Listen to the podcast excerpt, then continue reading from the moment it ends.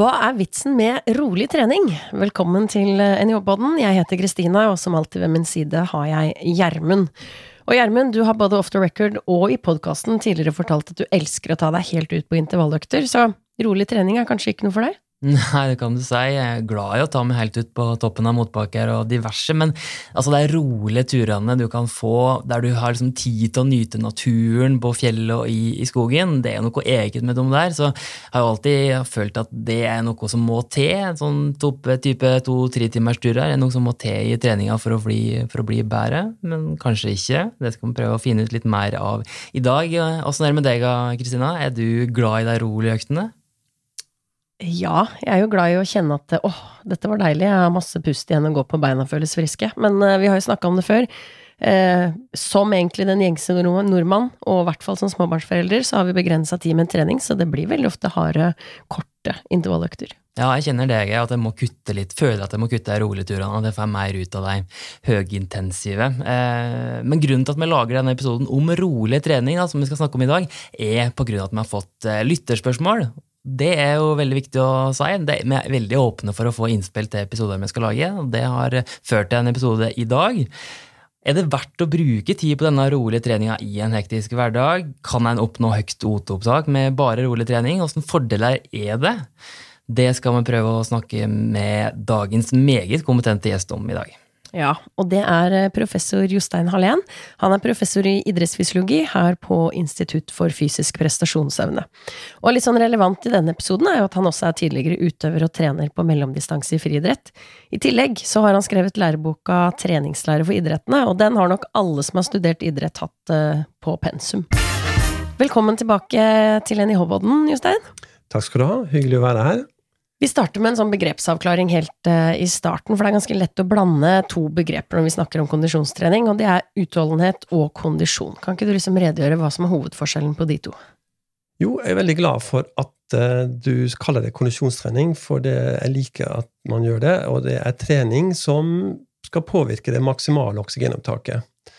Uh, og det er jo det som er motoren i kroppen. Det er det vi kan den energiomsetningen vi kan ha over lang tid. Så det er veldig viktig hvis man skal holde på ganske lenge. Men så er det også slik at uh, det å holde på lenge, det krever en viss utholdenhet, som er en del andre egenskaper enn selve maksimaldagsgenopptaket. En fotballspiller skal holde på uh, lenge, og en fotballutholdenhet det er evnen til å opprettholde gode fotballferdigheter gjennom en hel kamp, som også består at man er klar å løpe fort med ganske hyppige mellomrom. Slik at man, men, men også beholde eh, pasningsferdigheter og det som skal til for å eh, angripe målet til motstanderen og få mål. Eh, for en kondisjonsutøver, altså en utøver som er avhengig av et høyt maksimalt gjennomtak, som er det vi ofte har kalt typiske utholdenhetsidretter, det der er det evnen til å utnytte det maksimale oksygenopptaket som vi bruker kaller kondisjon. Fordi at Skal man holde på lenger enn en ti minutter, så klarer man ikke å ligge på det maksimale oksygenopptaket. Da må man redusere intensiteten. Og hvor mye vi må redusere, må redusere intensiteten, eller motsatt, hvor mye vi klarer å utnytte av dette oksygenopptaket, det er på en måte utholdenhet i kondisjonsidretter. Og det er to litt forskjellige egenskaper, men som henger også nøye sammen. Mm. Vil det si, I dag skal vi jo snakke om eh, trening i sone 1 og sone 2. Vil det si at han bare trener utholdenheten når han eh, beveger seg i, den, eh, i de intensitetssonene der? Absolutt ikke. Man kan få en god kondisjon ved å trene i sone 1 og sone 2. Og spesielt sone 2, som vi kanskje kommer litt tilbake til. Mm. Og i den læreboka da, som jeg nevnte nå innledningsvis, som du har skrevet, så så står det at mosjonister som trener mindre enn fire til seks økter i uka, trenger egentlig bare å forholde seg til tre intensitetssoner. Hva betyr det? Altså, kroppen er ikke så nøye på det som mange tror. Ehm, det er litt forskjellige typer trening som kan lede fram til god prestasjon og god kapasitet. Ehm, og da er det ikke så farlig eh, Når man trener rolig trening, så trener man enten ganske langt, som Gjermund var inne på her i starten, eh, og da sier det seg sjøl at da kan man ikke ha så veldig høy intensitet, så da må man senke intensiteten litt. Men de aller fleste øktene i såkalt rolig trening, rolig langkjøring, eller langkjøring som vi gjerne kaller det, ligger en plass mellom 40 minutter og uh, halvannen, kanskje bortimot to timer, de aller fleste øktene. Og hvis man har 40 minutter, så kan man løpe litt høyere intensitet enn hvis man løper i to timer. Uh, og uh, kroppen reagerer på en kombinasjon av intensitet og varighet, slik at det, det er høyere effekt av en trening som er høyere intensitet. Det er ikke slik at man får eh, noe lavere, nei, lavere effekt hvis man har lavere intensitet. Man får høyere eh, effekt av det, men man får også større effekt hvis man holder på litt lengre. Så det er liksom mikset mellom de to. Så for en eh, mosjonist er det ikke så nøye å tenke på det. I dag trener jeg såkalt rolig trening, sone 1, sone 2-trening. Så kan vi kalle det bare én sone. Når man trener mye, da, da snakker vi om kanskje trene 500 timer i året, eller 20 timer i uka, eller et eller annet sånt. Så det er ganske mye. Da må man tenke litt nøye gjennom det.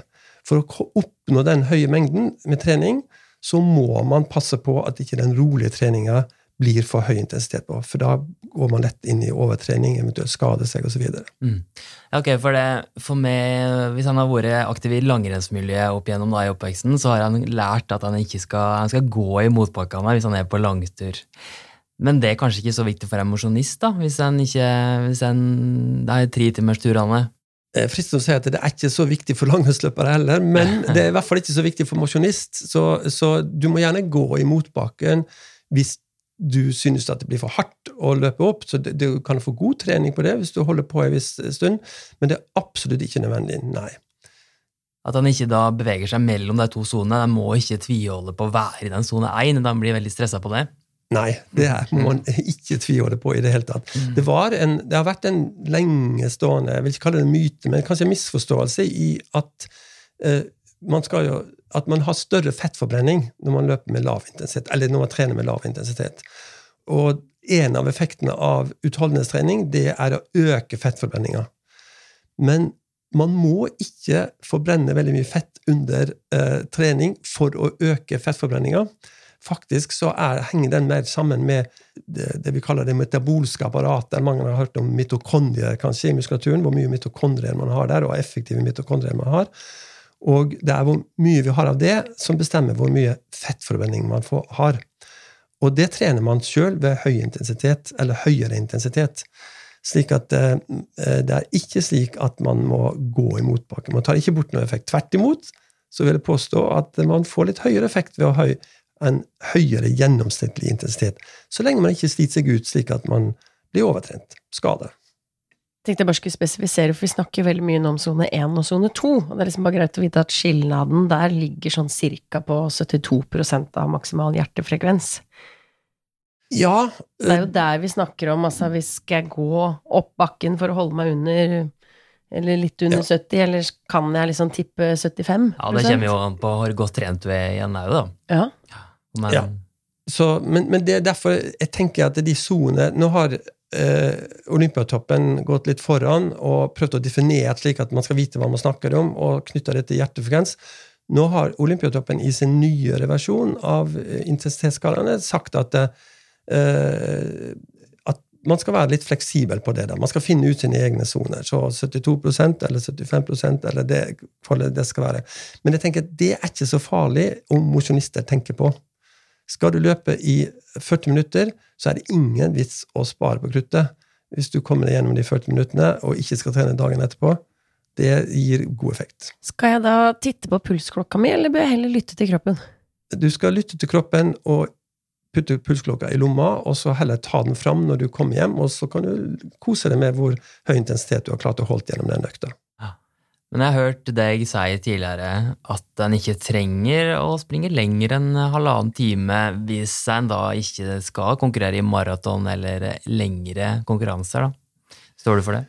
Absolutt. Uh, og jeg vil jo si at uh, for en mosjonist som har dårlig tid Jeg nevnte at det trener harde intervalløkter for å, liksom, for jeg ha dårlig tid.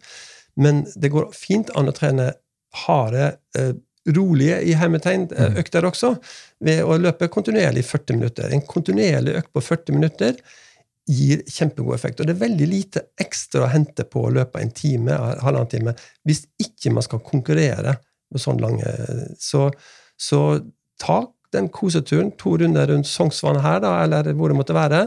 40 minutts økt eh, gir kjempegod effekt. Ja, fortell, Kontinuerlig. ja, fortell litt mer om effektene og fordelene rolig trening gir kontra intervall.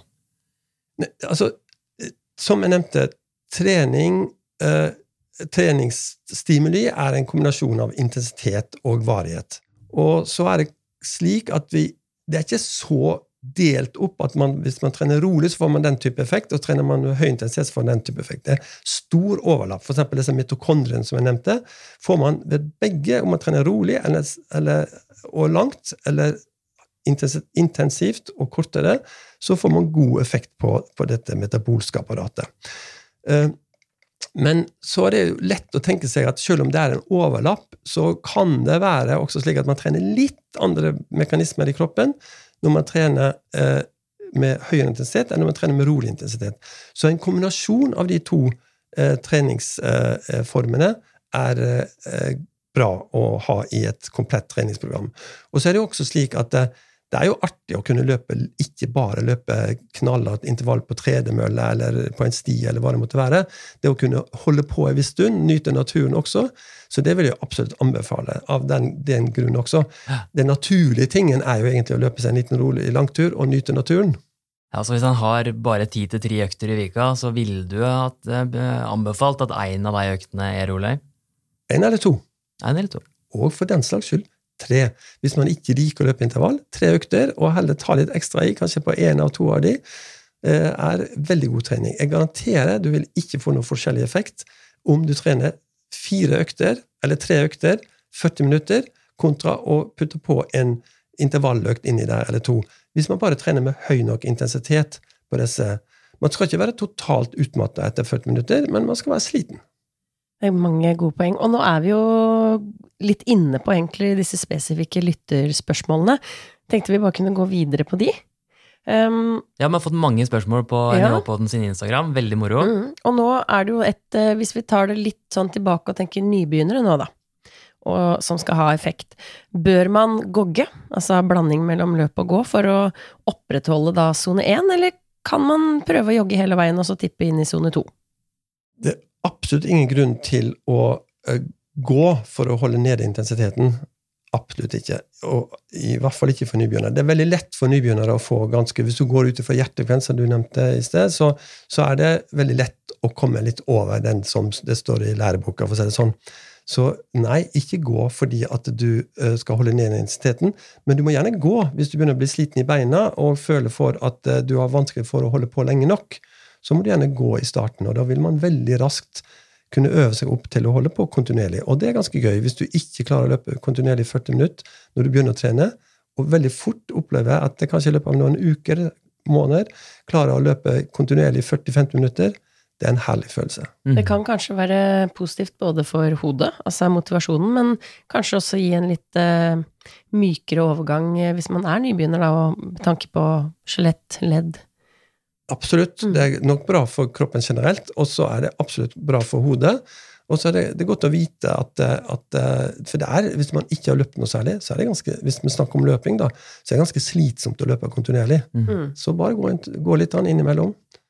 Ole han lurer på, det her har vi vært litt inne på da, får man like god utholdenhetstrening av å kjøre sone 1-trening som sone 2?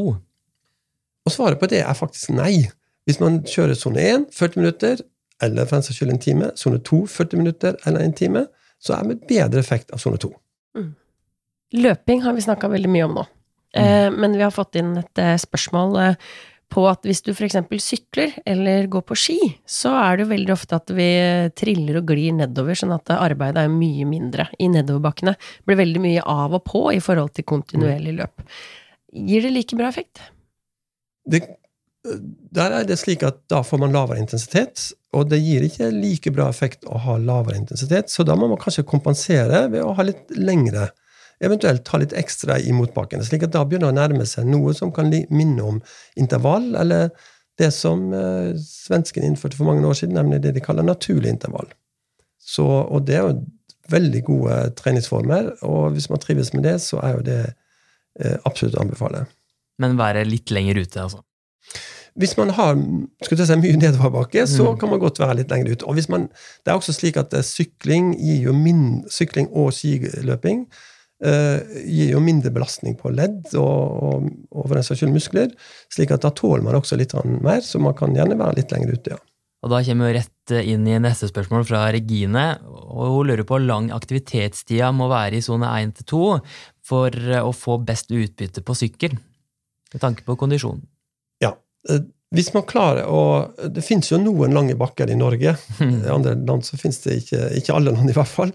Så, så hvis man klarer å holde ganske høy intensitet på, på sykkel, så kan man også klare seg der med en, med en 40 minutter. Men som var nevnt, ofte så er det litt nedoverbakke, og da må man kanskje øke litt, hvis man, i hvert fall hvis man har kommet litt ut i treningsprogrammet og trent en periode. Jeg bor på baksida av eh, Kollen, og kan tipse om at det er eh, veldig mange som både går på rulleski og sykler i bakken ved oss. Eh, Så de som bor i Oslo, får bare komme seg dit, så skal jeg love deg noen lange bakker. Ja, det er gode sjanser i Oslo. Vi har et spørsmål fra en som er på et litt høyere nivå. Han har faktisk pallplass i Birken denne vinteren, er NIH-student. Bare Bare name-dropper han. Runar Skaug Mathisen, hei til deg. Bra du hører på NIH-podden. Han lurer på om en skal trene fem timer i løpet av en dag. Det er jo ikke for kørværmannsen. Ville, ville Jostein fordelt det på én eller flere økter? Og åssen fordeler og ulemper er det med de forskjellige valga der? På tanke på effekt og restitusjon? Et, det kommer jo veldig an på hvilket nivå du har, men generelt så vil jeg si at fem timer lange økter, da begynner effekten å ta ganske av, altså flate av. Eh, ikke ta av, unnskyld, flate av på slutten. Så jeg ville absolutt fordelt det på to økter, og spist godt og restituert godt imellom, og kunne få to effektive økter. Og hvis man får litt avstand mellom det, så vil det være sannsynligvis ganske analogt med å tilsvarende som å trene to dager på rad. Altså så at det blir to treningsøkter. Mm. Sjøl om en skal konkurrere over lang tid? Ja, det er ikke så mange som konkurrerer over fem timer, men det var Birkebeinerløpet, ja. Men eh, ja, nei, jeg tror faktisk sjøl de skal konkurrere over så lang tid, ja. Mm. Vi skal gå litt eh, inn i materien her, på nerdenivå, vil jeg si. Det Mm. blir dratt rett tilbake til min egen eh, bachelorgrad, når vi hadde cellebiologi og så hva er det som egentlig skjer i cellene når vi er aktive. Det er um, en som skriver at som ungdom så var han landeveissyklist, og da var en av motivene for da å ha langkjøring, som i dag er kjent som sone 1 og 2, at du skulle få i gang fettforbrenningen, sånn at du kunne ha en versatil energiomsetning i konkurranser under trening. Og så er spørsmålet egentlig at Sone 2 er jo en viktig bestanddel i de fleste treningsprogram, hvis du typ skal gjennomføre maraton osv. Men så har det da blitt nylig kjent for han som stiller spørsmålet, at på cellenivå så skjer metaboliseringen av frie fettsyrer gjennom en såkalt karnitinskjøttel i mitokondriene for å syntetisere ATP til musklene. Og spørsmålet er, hva er bevisene for at denne metaboliseringen gjennomgår endringer gjennom trening? Eller sagt på en annen måte, hva er bevisene for at kroppen endrer seg gjennom sone 2-trening, som man skriver til slutt her? Ja, altså det fins haugevis med beviser for at sone uh, 2-trening, altså regulær kondisjonstrening, virker. Og virker bra. Du øker maksimalt oksygenopptaket, men også påvirker du uh, muskulaturen på en slik måte at det metabolske apparatet, og da spesielt mitokondrievolumet, øker. Så du får flere mitokondrier. Så er det noen spissfindigheter som går på at det kan tyde på at lengre turer er med på å øke volumet på mitokondriene. Du får mer, flere mitokondrier, eller, eller større volum på mitokondrier, mens mer intens trening påvirker kanskje mer effektiviteten, for disse mitokondriene kan være mer eller mindre effektive. Problemet med de studiene er at det er vanskelig å gjøre i kroppen, og at det blir veldig ofte gjort utafor kroppen. slik at det så, Vi kan ikke være så sikre på at, at uh, det er overførbart til en sånn uh, vi kaller in, en in vivo-situasjon. Altså når du f.eks. går Birkebeineren, eller hva du måtte gjøre. Men det enkle svaret er at det som bestemmer fettforbrenninga, for det var det spørsmålet var, var det ikke? Mm. Det er hvor stort mitokondrievolum du har. Og da spiller det ikke så stor rolle om du får det ved hjelp av høyintensivtrening eller høyere intensitetstrening eller lav intensitetstrening. Og som jeg har vært inne på tidligere, en kombinasjon av de to typer treninger er nok det som er best for alle kondisjonsutøvere. Bra. Og så nærmer det seg et av de store løpshøydepunktene for mange løpere der ute hvert år. Nå eh, neste Fire dager til. Fire dager Mhm. til Oslo Maraton. Veldig mange skal ut og springe én distanse der. Om det er 10 km, halvmaraton eller maraton. Det er ikke så mye du får gjort med, med formen nå, kanskje, treninga, men det er jo kanskje mulig å spisse noe form, da. Er det rolig trening som gjelder siste, de siste dagene da, Jostein, eller har du noen gode, andre gode tips til restitusjon, matinntak, gjennomføring av selve løpet, kanskje? Psyken der? Ja, For det første så tror jeg det er verdt å tenke at det som jeg ikke har fått gjort til nå av trening for å øke kapasiteten min, det får jeg ikke gjort nå de siste fire dagene. Så det er det gjelder da, er å forberede seg til konkurransen, og da er det jo først og fremst rolig trening som gjelder. For de som er supererfarne og har testet det ut kanskje litt på forhånd, så er det jo noen som foretrekker eh, f.eks. akkurat eh, et fire dager før eller der omkring å ha én litt hard økt, kanskje ikke sånn superlang, men litt hard økt, og så veldig rolig trening deretter for å teipre, som det heter på godt norsk, inn mot eh, konkurransen.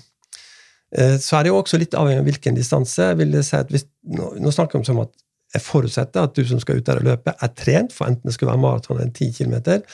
For 10 km så er det kanskje mulig å gjøre det. eh, I hvert fall prøve én hard økt i dag eller i morgen. Men for de skal løpe maraton, er det først og fremst nå rolig trening, spise godt og forberede seg på den måten fram til eh, konkurransen. Og da når du sier rulletrening, er det sone 1-2? Må en være nøye på ikke Nei, da vil jeg, da vil jeg kalt, da vil jeg sone 1, og ikke lange økter. Korte økter.